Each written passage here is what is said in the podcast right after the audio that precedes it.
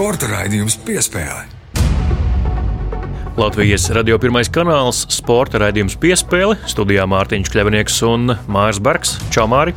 Sveiks, Mārtiņ, sveicināti klausītāji! Un noslēdzam mūsu varano triloģiju par to, ka augstāko izglītību iegūt paralēli augstu līmeņa sportošanai var, un galvenais ir pareiza laika plānošana, vēlme un uh, vēl dažas nianses, kurām ir jāsakrīt, kuras mēs te arī jau esam šķetinājuši iepriekšējos divos raidījumos, un turpināsim šķetināt arī šajā.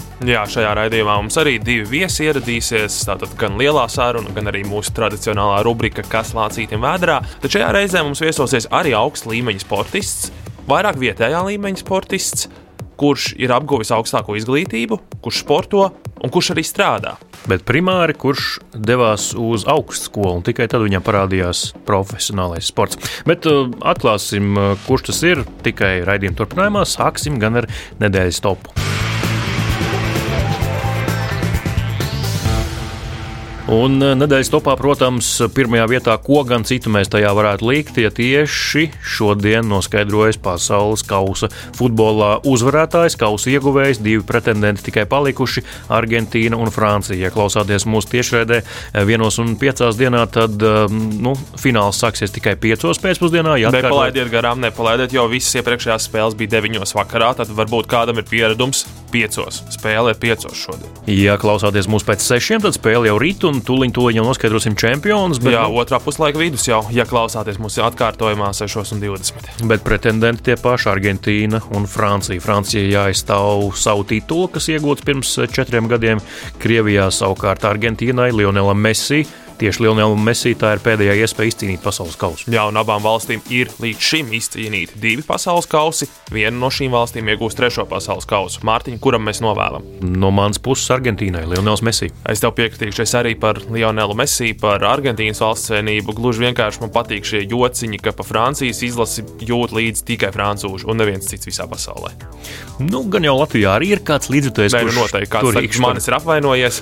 par francūžiem, jā, bet nu, gal galā Francija Francijai tituls bija jau pirms četriem gadiem, un tā kā Messi tā ir pēdējā iespēja, tad tas būtu tiešām labs stāsts. Viņš ir arī pelnījis tā, kā viņš spēlē šajā turnīrā. Nav jau tā, ka Messi ir Messi vairs tikai uzvārds palicis, un tagad viņam jādod par to pasaules kausu. Nē, viņš to komandu tik tiešām ir aizvilcis aiz ausīm līdz tam finālam. Jā, pusfinālā arī pret Horvātiju tieši Lionels Messi bija tas, kurš uh, izveidoja vienu no vārtu guvumiem. Julianam Alvaresam ļoti meistarīgi nospēlēja, joprojām ļoti ātrs, joprojām ļoti kustīgs viņš ir bumbas tehnika nekur nav pazudusi.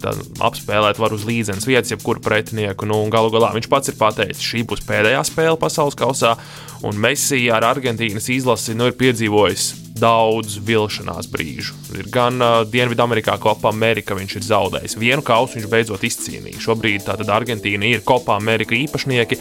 Pasaules kausā 2014. gadā finālā zaudējums papildu laikā pret Vāciju. Nu, visas zvaigznes norāda, ka šai ir jābūt tai reizei, kad būs. Ir vārdsargs, ir aizsargi, ir pussargi nu, uzbrucēji viņiem vienmēr ir bijuši, bet šobrīd tiešām ir viss. Ja mēs iegūs pasaules kausu, kas viņam vēl pietrūkst, nu, tad viņam būs. Pat viņam, starp citu, ir arī Pekinas uh, Olimpisko spēļu zelts. 2008. gadā es tā parakājos viņa biogrāfijā, izrādās, ir arī tāds ieraksts, kur diez vai kāds atceras, bet uh, pasaules kausa viņam pietrūkst. Un, ja tas būs, tad tik tiešām nu, tur vairs nav jautājumu. Un arī kurš acīm redzot labāks, Ronaldu vai, vai Messi. Jā, nu, tam nevar nepiekrist. Abi, abi šie divi spēlētāji ir vienkārši izcili un fenomenāli, bet labākais varbūt tikai viens.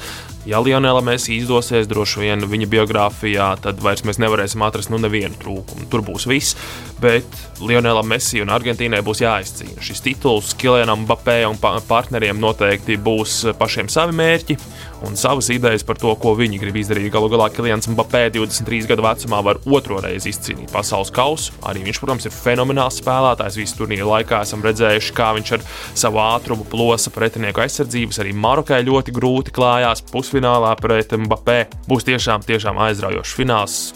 Droši vien, ka ļoti piesardzīgs, bet tik un tā aizraujošs. Un nedēļas top otrā pieturvieta Nauda, nauda, nauda, liela nauda un pārāk liela nauda. Tā laikam to varētu definēt. Es pat nezinu, cik maksā piemēram biļete uz pasaules kausa futbolā fināla spēle, bet eh, lēti noteikti nav. Bet eh, lēti nebūs arī paskatīties klātienē hokeja Rīgā nākamgad. Jā, pirmdien oficiāli tika izziņots, ka ir iespējams iegādāties biļetes uz atsevišķām spēlēm. Tātad līdz šim eh, līdzjutēji varēja iegādāties biļetes uz visu dienu, aiziet uz vairākām spēlēm ar šo vienu biļeti. Tagad var nopirkt tieši uz sevi interesējošo spēli, bet biļešu cenas gan ir ļoti, ļoti augstas, augstākas pat nekā NHL spēlēm. Daži varbūt um, braucot automašīnā vai kā citādi, nu, uzslēdzot kādu komerciālu radiostaciju, ir dzirdējuši, ka biļešu cena ir sākot no 9 eiro. Mārtu to mītu pārbaudīja. Ja? Jā, nu es to pārbaudīju.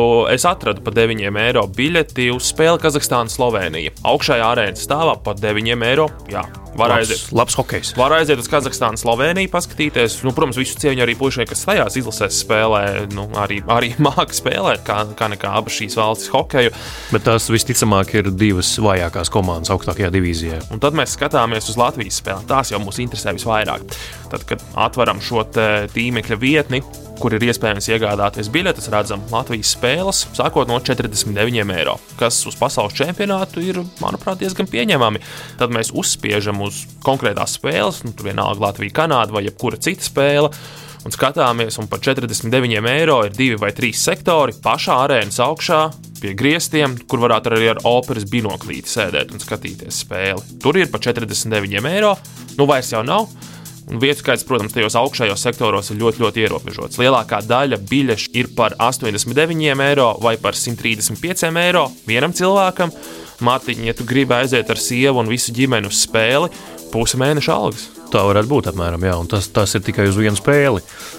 Tādas spēles būs garantēti Latvijas izlasē septiņas, un, nu, ja vēl ir āķis lūpā un gribas vēl kādu noskatīties, tad visticamāk tas būs jādara pie TV ekrāna. Nu, jā, un tā es arī papētīju, nu, tīri tā interese pēc, piemēram, Edmontonas Oilers biļetes NHL vienu spēli. Tātad augšējā arēnas stāvā varam aiziet apskatīties divus labākos, manuprāt, divus labākos NHL uzbrucējus, Konoru Makdēvidu, Leonu Draizaitlu.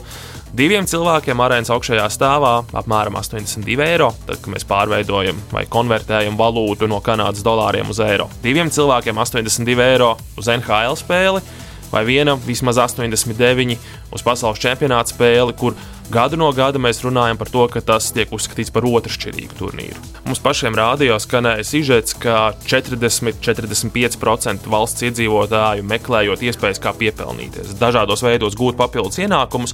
Un tajā pašā vakarā panorāmā bija sižets par to, ka aptuveni 50% valsts iedzīvotāju kādā aptaujā piedaloties ir teikuši, ka ka viņu finansiālā situācija ir pasliktinājusies. To var atrast precīzus skaitļus, tad arī panorāmā, arhīvā pameklējot. Nu, tas neliecina par to, ka valstī ir ļoti laba finansiālā situācija. Un vēl viens fakts. Neviena no šīm spēlēm nav izpārdota. Latvija, Kanāda atklāšanas spēle, tā nav izpārdota. Atceramies vecos labos laikus, Rīgas dīnāmo playoff spēles.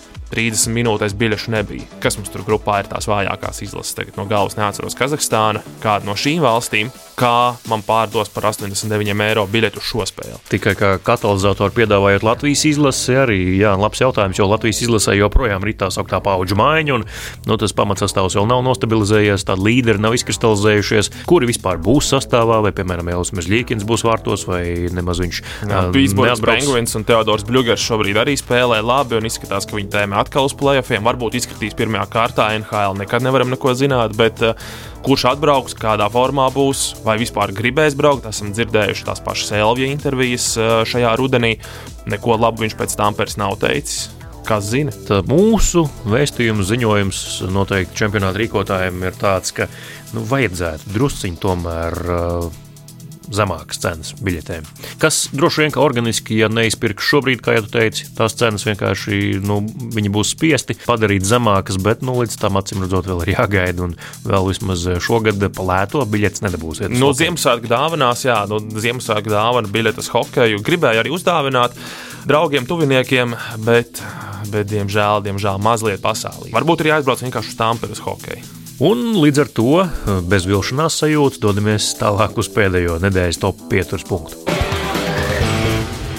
Un pēdējais nedēļas spilgtāko sporta notikumu topā pieturas punkts ne ar konkrētiem sasniegumiem saistīts, bet uh, viena aptauja, uh, kur ir noslēgusies, proti Latvijas žurnālistu aptauja par gada labāko futbolistu. Otro gadu pēc kārtas šo titulu iegūst Vladislavs Gutkovskis. Noteikti, ka pelnīt labā līmenī spēlē un tiešām arī labi spēlē Polijā Vladislavs. Tāpēc noteikti pelnīt, jā, un tur tomēr tā aptauja ir ļoti, ļoti plaša. Vairāk kā 40, varbūt pat 50. Tagad 51 žurnālists. Jā, labi, ka palaboja man tātad 51 žurnālists ar šādu cilvēku skaitu, kas piedalās aptaujā, nu nejaušības vairs nav īsti iespējams. Ja tā būtu 5 žurnālistu aptauja, Katram bija jāiesūta savs labāko futbolistu sešnieks, sarindots prioritārā secībā, kurš pirmais, kurš sastais. Es Vladislavu arī liku pirmajā vietā, atzīšos. Otrais, es otrajā. Otrajā vietā šajā aptaujā bija Raimons Krolis. Viņš arī man bija otrajā vietā. Man viņš bija pirmajā vietā, tāpēc, ka tomēr Latvijas virslīgas līderu neapšaubāms līderis arī labākais vārtu guvējs Latvijas virslīgā aizvadītajā sezonā. Un trešais aptaujas kopvērtējumā Jānis Ikaunieks, kuram ļoti laba sezona Somijā. Es gan viņu savā sešniekā vispār neiekļauju, jo man kaut kā liekas, ka Jānis, ja labi gribētu, varētu spēlēt krietni augstākā čempionātā un arī tur darīt lielas lietas.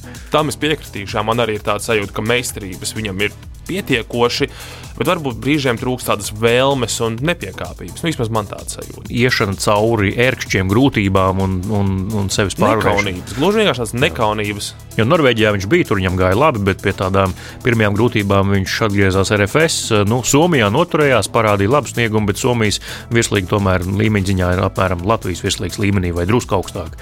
Tā vismaz profesionāli vērtē, un tagad Jānis ir atpakaļ RFS atkal. Jā, Jānis ir atpakaļ RFS, divu gadu līgums parakstīts. Nu, droši vien spēlēšana mājās galu galā ir pietiekami vilinoša arī RFS kā komanda, kas iekļuva Eiropausos un arī nākamajā sezonā noteikti, ka mērķi būs ne mazāki. Bet tā, no kā izvēlēties, nu, piemēram, tev māri izvēloties savu sešnieku, bija jāpalauz galvu vai bija tie labākie, kurus tu zināji, un tad pārējais tas futbolistu tā pelēkā masa? Nē, noteikti, ka bija no kā izvēlēties. Nekad jau nav tā, ka nav no kā izvēlēties. Vienmēr ir, varbūt ir kāds gads, kad ir kādi spožāki panākumi. Un... Grūtāk izvēlēties, ka šajā gadījumā ir labi, jo ir vairāk labu spēlētāju. Vladislavs Gutkovskis pelnīti, sveicam arī mēs. Un, Vēlēsim lielas, lielākus, labākus rezultātus arī nākamgad. Galu galā arī Eiropas čempionāta kvalifikācija ar izlasi. Līdz ar to jāatcer, ka Vladislavam gan laba sezona Polijas ekstralīgā, otra sezonas puse, pareizi sakot, Polijā. Tad šobrīd ziemas pārtraukums. Un pēc tam jau sezonas otrā pusē, martā Latvijas izlase. Un, kas zina, varbūt vasarā arī pārcelšanās uz kādu spēcīgāku līgu un klubu. Nu, līdz ar to arī skan šīs nedēļas sporta raidījuma piespēle, nedēļas spilgtāko notikumu tops, un mēs tad dodamies tālāk pie šī raidījuma lielās intervijas. Sporta raidījums piespēle. Studijā Mārtiņš Kļavinieks un Mārs Bergs. Māri, un tā sanāk, ka diezgan īsā laikā relatīvi otrais ogres basketbola komandas pārstāvis ir ciemos pie mums šeit eh, studijā. Tas ir neviens cits kā Kristaps Dārgais. Sveiks, Kristap! Sveiki, kungi! Sveiki! Jā, sveiks, Kristap! Tā tiešām ir sanācis Rināls Sirsniņš, komandas ģenerālmenedžeris un cerams, ka arī sezonas otrajā pusē spēlētājs. Nesen viesojās studijā, runājām par eh, dažādām basketbola aktualitātēm. Šoreiz ar tevi mēs runāsim gan par basketbolu, gan arī par studijām. Bet sāksim varbūt uh, tā pavisam vienkārši. Mudinājums studēt. Tas tev pašā iekšā sēdēja, tu vēlējies, vai tas tomēr bija ģimenes aicinājums no Kristapa? Vajadzētu. Tas būtu loģiski pēc vidusskolas. Man bija tā, ka, uh, gudīgi sakot, skolas laikā es ļoti labi mācījos. Man patika mācīties, un man liekas, pat mīļākais priekšmets bija matemātika, jo nu, sports tas neskaitījās man kā priekšmets. Kā. Līdz ar to jau diezgan agrā vecumā bija skaidrs, ka es eh, noteikti studēšu. Bija jāsaprot virziens, kurā es došos. Un, eh, nu, jāpiemina arī tas, ka 15, 16, nu, 17, 18 gadu vecumā man nu, nebija tādas vīzijas, ka es būšu nu, profesionāls basketbolists.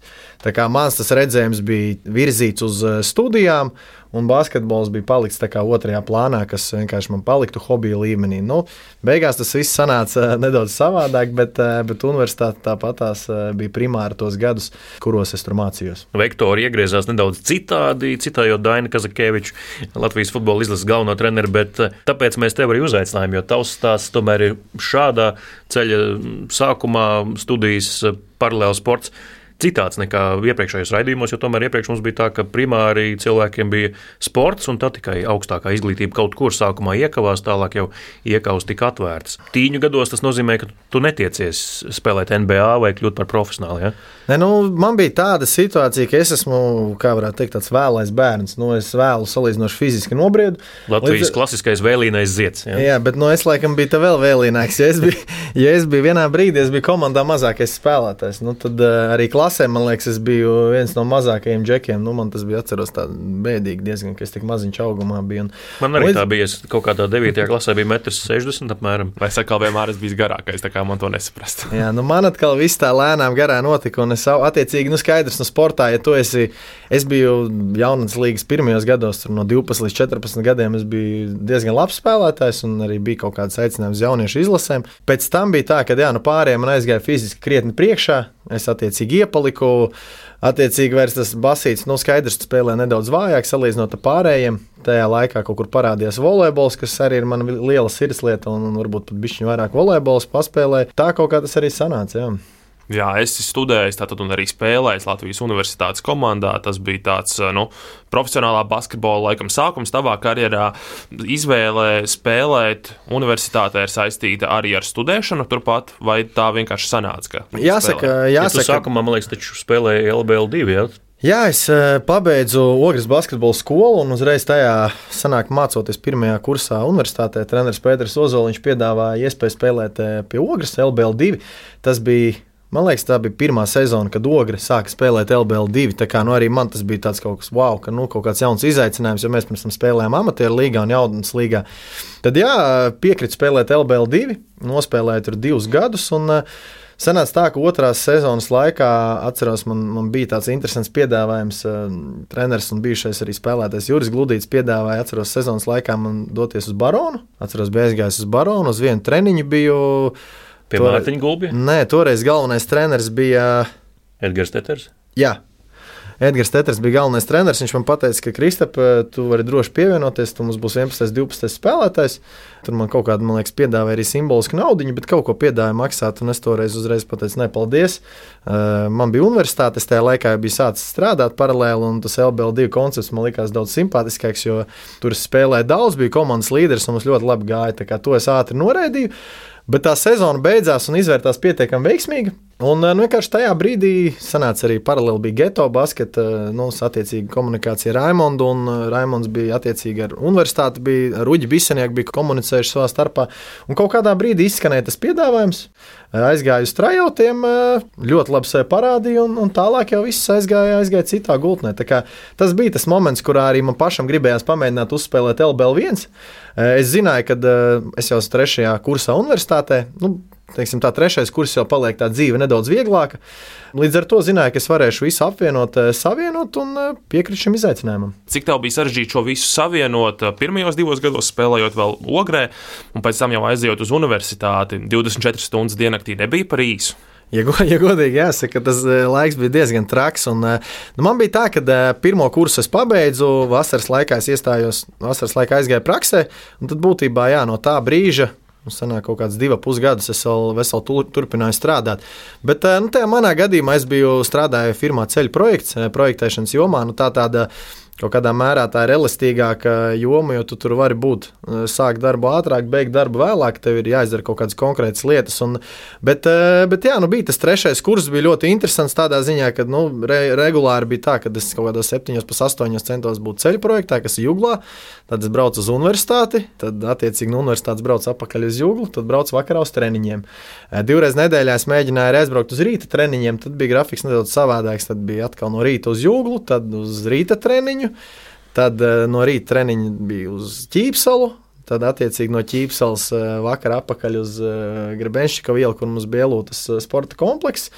Un tad vakarā pulkstenis kaut kādos desmitos bija mājās. Tad tā bieži vien sanāca pusastoņos no rīta izgāja, un desmitos vakarā es biju mājās. Tā, kā, tā bija tāda ikdiena, bet Bet, eh, ja godīgi, nu, atceroties, bija, bija ļoti interesanti. Tāpat tās varēja atrast kaut kādu laiku, ko, ko veltīt sev, ko veltīt draugiem, bet uh, bija saspringti. Man vispār ir bijis tā, ka es esmu tāda laika plānošanas ziņā, es esmu bijis vienmēr diezgan haotisks, un tas kaut kādā mērā tas periods noteikti man ielika kaut kādos rāmjos, iedeva tādu vēl papildus disciplīnu un, un ļāva saprast to, ka uh, prātīgi un, un loģiski plānojot savu ikdienu, tu tiešām vari izdarīt daudz vairāk nekā varbūt sākumā tas liekas. Par Latvijas Universitātes basketbola sistēmu sistēmu. Nu, viņi tomēr bija tolaik tādi pionieri, tolaik vēl arī turību spēlēja eh, Latvijas um, basketbola līnijas pirmajā divīzijā. Tagad uh, ir tikai Latvijas Universitāte, Latvijas Igaunijas līgā. Ko tu vari teikt par šo sistēmu, cik tā labi strādā tavā laikā, kā tā darbojās, un varbūt cik tu zini, kā tā ir mainījusies?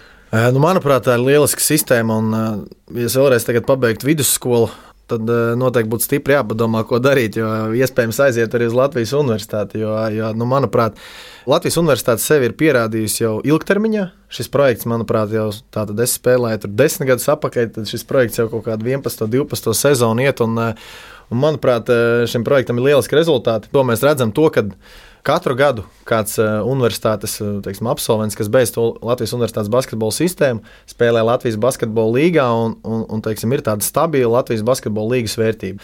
Un neraugoties uz to, viņi ir paspējuši pabeigt arī universitāti tajā laikā.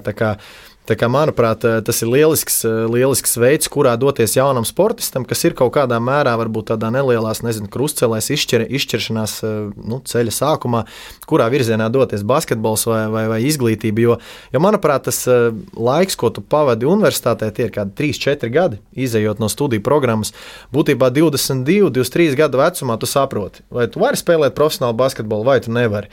Un, eh, nu, šis, manuprāt, ir lielisks pārējais posms, jo, nu, būsim godīgi, 18 gadu vecumā nevienmēr tu vari nu, apzināties, kādas būs tavas spējas uh, sportā. Nu, piemēram, man, mans gadījums ir izteikts piemērs, kad nu, 18 gados es domāju, neviens, neviens treneris kaut vai jaunatnes basketbola līgā nebūtu domājis, ka spēlēšu profesionālu basketbolu. Tā kā nu, pagāja pāris gadi, fiziski nobrieda un, un varēja to darīt.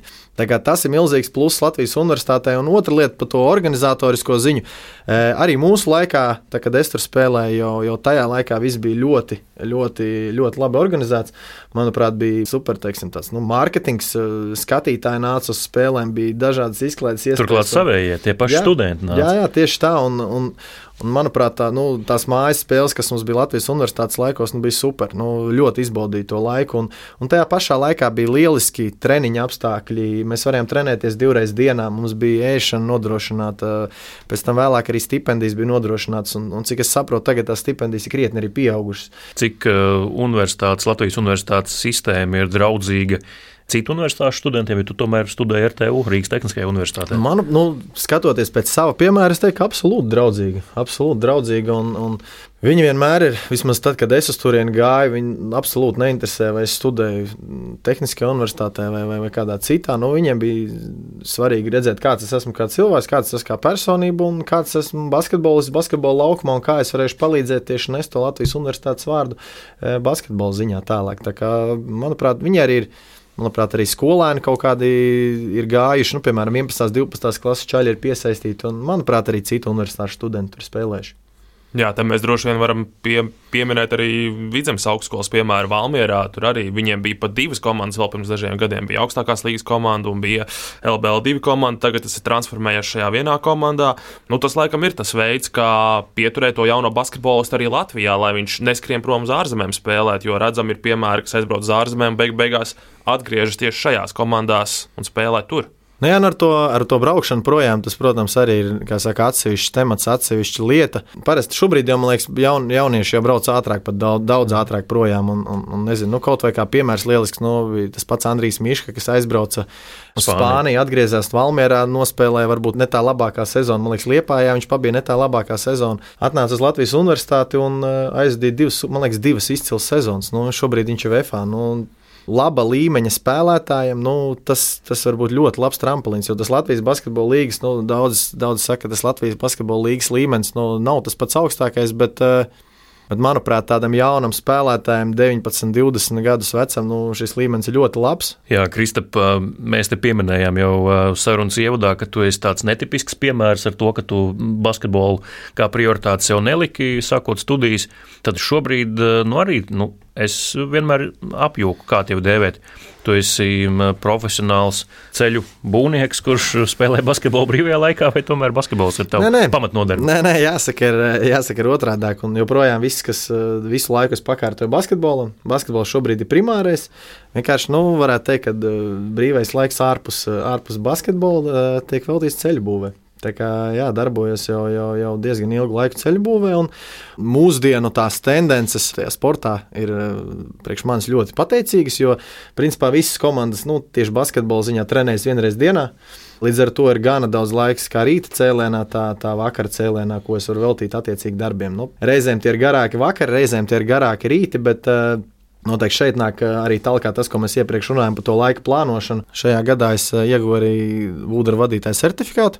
Attiecīgi, nu tad, lai šo, lai šo certifikātu saglabātu, lai kvalifikāciju saglabātu, jā, mums ir gadā jāapmeklē nu, vidēji tie divi līdz trīs kursi, kuros jāpiedalās. Ir, nu, protams, paralēli arī, arī, arī paralēli izglītojies. Tāpat es šobrīd jūtu. Be, ļoti daudzas lietas tieši saistībā ar ceļu būvi, būvniecības informācijas sistēma. Tā ir nu, tāda šobrīd lieta, kas būvniecības jomā daudziem ir likusi lauzīt galvu, bet jau šobrīd tas ir vairāk nevis kā galvas mežģis, bet vairāk jau kā liels palīgs. Un arī tur ir ļoti, ļoti daudz lietas, daudz webināri un, un, un skaidrs, ka eh, brīvā brīdī tu noteikti mēģini kaut ko paskatīties un, un pilnveidoties. Ir kāds tāds viens ceļš Latvijā, pa kuru mēs varam pabraukt, kur ir projektējis Kristaps Dārgais vai kaut kā tāda?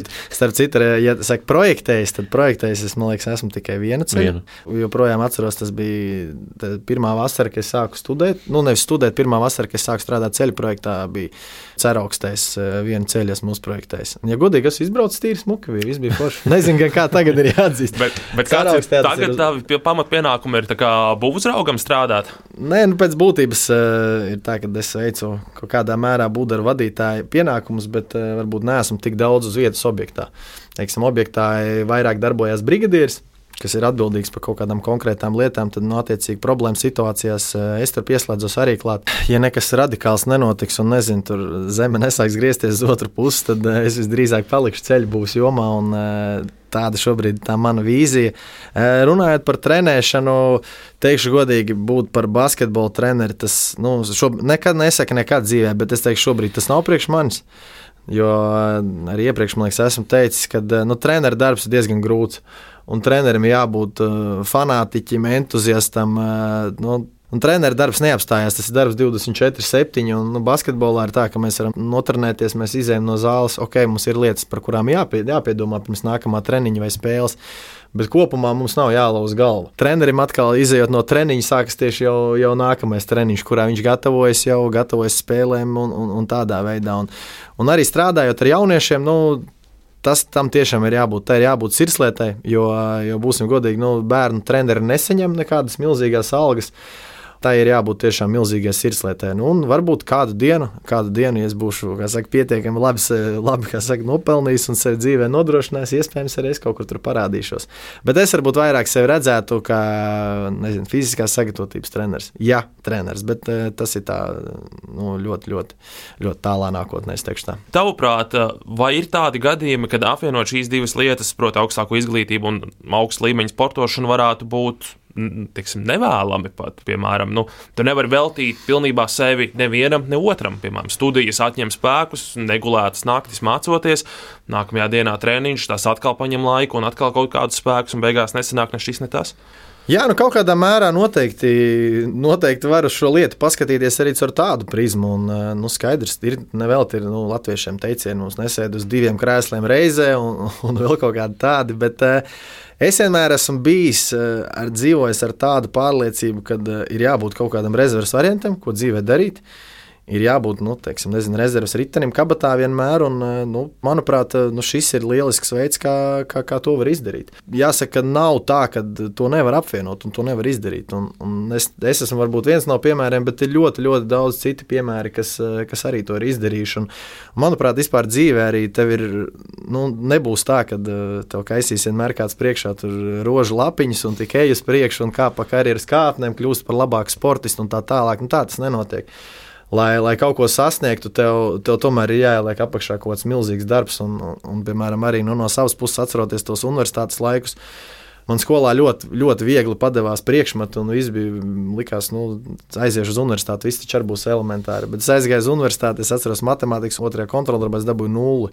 Nulli. Es, jā, es dabūju nulli, vienkārši neko nedabūju. Jo es dzīvoju pēc eh, nu, saviem veciem kaut kādiem principiem, kā es to izdarīšu. Un, un skaidrs, ka tajā brīdī tu saproti, ka vecās kaut kādas metodas nestrādā, tu dari kaut ko vairāk, tu dari labāk, tu sevi pārlauzi, tu pilnveidojies un te uz priekšu. Un, uh, nav jau tā, ka, lai, lai sportotu un mācītos, tev tu vispār nevar aiziet pagulēt. Nu, to joprojām var izdarīt, vienkārši jāatrod, uh, jāatrod tas laiks un jāsaplāno. Un, Un, manuprāt, arī, arī trenējoties pat, eh, pat divas reizes dienā, nu, tāpat tās studēt un sportot, tas ir iespējams. Paldies! Eh, Kristaps Dārgais bija šī raidījuma viesis piespēlē. Paldies, Kristap, ka atnāci pie mums Paldies. un dalījies savā pieredzē gan par studijām, gan par basketbolu, gan arī par strādāšanu un šo, šo visu kā var savienot. Paldies! Paldies! Paldies. Latvijas radio pirmais kanāls, sporta raidījums piespēle studijā Mārtiņš Kļavinieks un Mārs Bergs. Māri laiks mūsu iknedēļas tradicionālajai aizkulišu rubrikai. Jā, nu tikko tad dzirdējāt sarunu ar Kristapu Dārgo, ar basketbola kluba ogres spēlētāju par uh, viņa pieredzi apgūstot augstāko izglītību un kā to visu savienot ar sportošanu un arī ar strādāšanu, ikdienas darbu veicot. Bet uh, rubrikā Kas lācītiem vēdrā šoreiz uh, ciemos būs hokeja treneris, ASV koledžas absolvents. Nu, varam teikt, arī tāds mentors, padomdevējs daudziem jaunajiem latviešu hokeistiem. Šis cilvēks ir neviens cits kā Kārlis Zirnis. Zinām viņu kā gan Latvijas pieaugušo izlases uh, galvenā treneru palīgu, tāpat viņš ir strādājis kā junioru izlašu galvenais treneris, un arī šobrīd viņš ir U20 izlases treneru korpusā un uh, dosies tieši šodien dosies uz Kanādu, kur uh, norisināsies pasaules U20 čempionāts. Tas sākas 26. decembrī.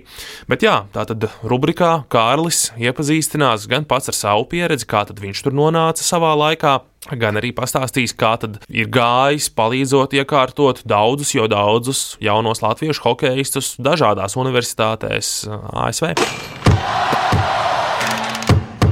Kas lācītim vēderā? Tagad jau ir uh, viss, kā sakās, pirkstu piespiedu. Tur, tur redz, kas ir kas un kā, un var uzzināt. Tad vispār nebija nekādas nojautas, kas ir koledžas hokejs, kas ir vispār kaut kāds, kas tas pa brīnumu. Man palīdzēja amerikāņu latviešu ģimene, palīdzēja aizbraukt, un es biju pirmo gadu, tā kā, teiksim, vidusskolā nospēlēju gadu jauniešu hokeja. Amerikā. Amerikā, jā, jā. Un pēc tam uh, sāku uzzināt, nu, kāds tas nākošais solis attīstīšanās, un man paskaidroja par junior hokeju, jā, pa līgām, kā tas viss notiekās. Tad turpināju spēlēt, tad sāku uzzināt vairāk par koledžas hokeju, kas ir koledžas hokejs. Nu, tas sapratu, ka ļoti labs līmenis, izglītība, kas bija svarīga, un uzzināju par to. Domāju, nu, jāprovē uz to, uz, uz koledžu tikt. Bet nezināju, tajā laikā nezināju par visiem NCA tā saucamiem noteikumiem, ka tev ir eksāmeni jānoliek. Jā, es tam pirmajā gadā, ja man skatās manā elite prospektā, jā, vai tādā hokeja bāzes lapā, tad redz, ka gadu es vien neesmu spēlējis. Un es vienkārši to gadu trenējos koledžā, kārtoju visus dokumentus, lai man būtu atļauja teikt, spēlēt koledžas hokeja. Protams, mēs mērķis ir spēlēt visaugstākā līmenī. Ja, kaut 18, 19, 20 gados. Tad vienmēr ir NHL mērķis. Ja. Neteikšu, ka es uzreiz olu rekursu izglītību, ja es iešu uz skolu un viss pirmais. Ja. Hokejs bija pirmajā vietā, bet uh, izmantot savu hokeja prasmes, man deva stipendiju un ieguva izglītību pēc tam tu sāc saprast, ok, es neesmu vēl tam gatavs. Nu, tu, tu turpini mācīties, turpini attīstīties kā hokejs. Nu, tad vienkārši tos četrus gadus tu ej, ej skolā, dabū izglītību, dabū diplomu, turpini attīstīties kā spēlētājs. Dokuments un tas izglītība ir viens, bet otrs arī ir. Ko tev Amerikā iemācās, es uzskatu, vislielākais tāds arī baigais bonus ir tev, protams, valoda, jā, kas tev ļoti progresējusi, teiksim tā. Tu esi apbružājies dzīvē, tu esi sapratis, kas kā jādara, tu esi patstāvīgs, tu esi projām no mājām. Es skaitīju, cik daudz tu esi cilvēkiem palīdzēs iekārtoties ar padomu, ar kontaktu? U, ļoti daudz. Negribu, protams, lielīties vai ko, bet nā, man kādreiz palīdzēja. Man latviešu klēnopa ģimene, kas Amerikā, amerikāņu latvieši, kas man palīdzēja iekārtoties tad tu neapzinājies tajā vecumā, kad tev bija 17, 18 gadi. Tu jau, tu jau neapzinājies, kam viņi dara, ko viņi dara, kāpēc dara. Jā. Un vienkārši viņi gribēja palīdzēt latviešu nu, hokeistiem, spēlētājiem, nu, latviešu cilvēkiem.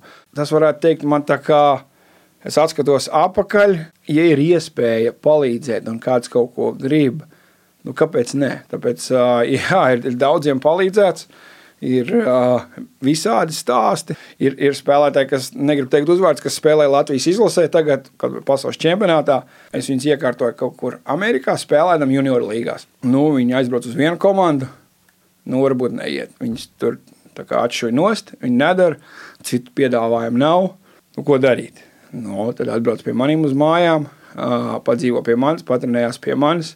Bet tas ir interesanti, arī, kā tas izveidojās tur atrod, viņiem uzreiz varbūt tā nav iespēja, tāpēc, nu, kur uz Latviju nebrauks uzreiz. Tiek citajā komandā, trenējās tur un domā, tūlīt aizies. Akal neaiziet. Akal izmet ārā pēc kaut kādām divām nedēļām. Atkal brauc atpakaļ pie maniem, dzīvo pie maniem, trenējās, kaut ko darbojās.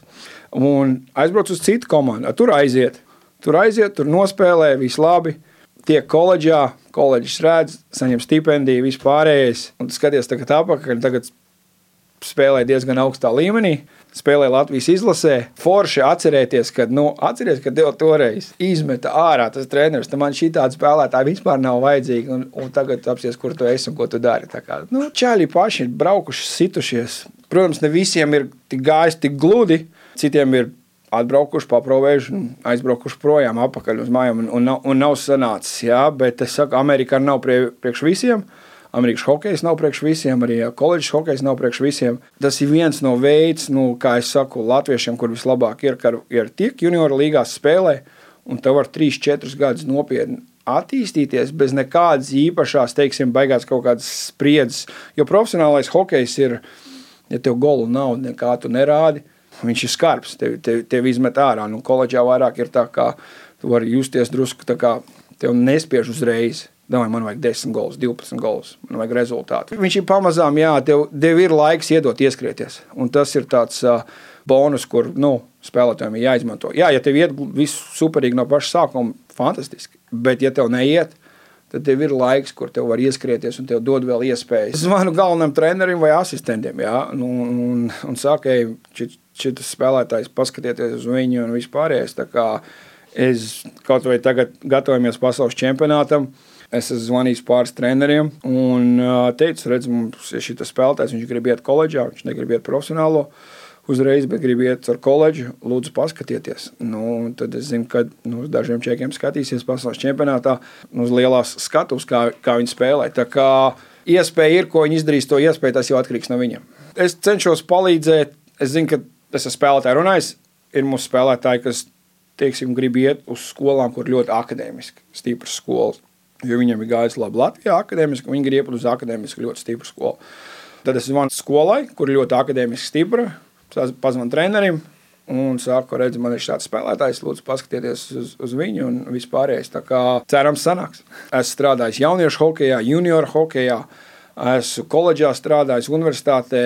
Tā kā nesaka, ka man tur baigais vārds vai kaut ko, bet ir nu, man cilvēki uzticās, vismaz ieklausīsies, atzvanīs atpakaļ. un, bet tas ir vairāk strādājot tur, un es tam virtuvē iekšā viens otru pazīstu vai zinu kaut kāds ar kaut ko. Bet tas ir tikai gadiem būt tādā hokeja iekšā sporta raidījums piespēle, bet, nu, diemžēl, tas jau pietuvojies savai izskaņai. Mārtiņš Kļavnieks un Māris Bergs joprojām studijā. Mārī līdz ar to arī liekam lielo trakno punktu gan mūsu triloģijai par sportošanu un augstākās izglītības iegūšanu vienlaikus, gan arī visam šim gadam. Tā sanāk, tā tiešām sanāk, raidījuma triloģija par augstāko izglītību izskan. Iespējams, ka mēs kādreiz pie šī temata nākamajā gadā kādā brīdī atgriezīsimies, varbūt ar kādām jaunām idejām, varbūt jums ir kāds ieteikums, kā mēs mēs varam šo tēmu attīstīt. Droši meklējiet mūs gan sociālās saziņas vietnēs, eh, gan arī citos kanālos, kā ar mums var sazināties. Mēs esam gatavi uzklausīt arī klausītāju idejas, ko jūs gribētu dzirdēt, kas jums patika, kas nepatika. Bet tā tiešām sanāk, šī ir gada pēdējā oriģinālā piespēle. Jā, 25. decembrī Ziemassvētkos skanēs raidījums piespēle, bet tas būs tāds labāko brīžu apkopojums no decembrī skanējušajiem raidījumiem. Līdz ar to mēs jums sakām priecīgi priecīgus Ziemassvētkus, ģimeniskus, gaišus, siltus un tāpat arī laimīgu jauno gadu. Tieši tā, lai priecīgi svētki, laimīgs jaunais gads. Mārtiņ, mēs ar tevi arī 25. decembrī pavadām laiku ar savām ģimenēm, tuviniekiem, un mēs būsim atpakaļ jaunā gada pirmajā dienā. 1. janvāris tā arī būs svētdiena, bet tagad gan raidījums piespēle izskan. Mēs ar tevi, Mārtiņ, dodamies skatīties lielo futbolu. Jā, palieciet uzticīgi raidījumam piespēle arī nākamajā gadā, un 1. janvārī jau būsim atpakaļ. Paldies un uz tikšanos!